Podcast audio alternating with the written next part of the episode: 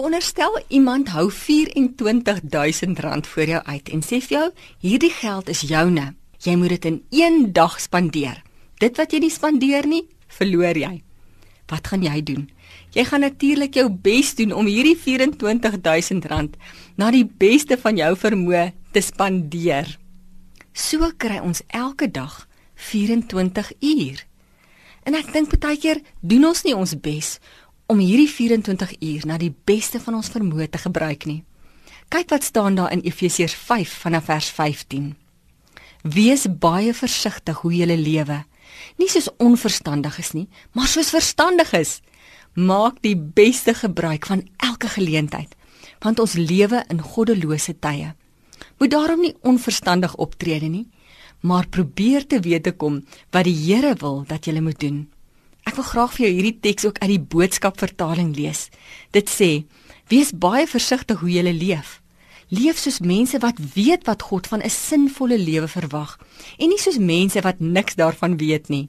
Moenie jou tyd mors nie.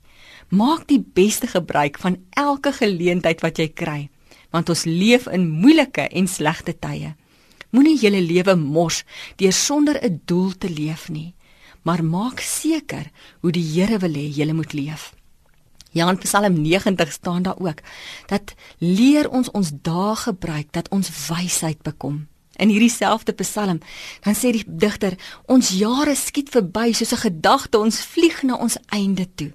En Paulus sê ook koop die tyd uit, carpe diem, gryp die dag. Maar hoe leef 'n mens dan sinvol? Hoe maak jy die beste gebruik van elke geleentheid? Ek dink dis wanneer ons fokus op dit wat ewigheidswaarde het. Wanneer ek moeite doen met my verhouding met God en my verhouding met mense om my. Mense op hulle sterfbed sal nie vir jou sê, weet jy, as ek nog in daai mooi huis kon bly, Liesel of in daai mooi kar kon ry. Hulle sê vir jou, as ek maar net meer vir my geliefdes gesê het, ek's lief vir hulle. As ek maar net meer tyd vir God gemaak het.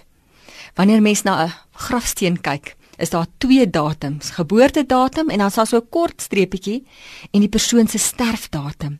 En ek dink daai kort streepie is simbolies van hoe kort die lewe is.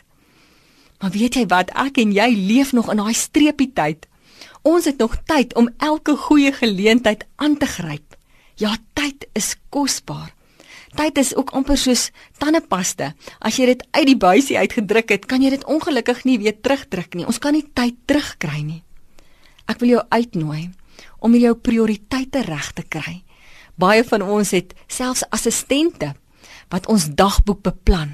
Van ons se dagboeke is 'n jaar vooruit beplan waar ek op vakansie gaan en wat ek gaan doen. Hoekom kan ons ook nie ons tyd saam met God ook so beplan nie? Kom ons maak tyd vir dinge in die lewe wat ewigheidswaarde het.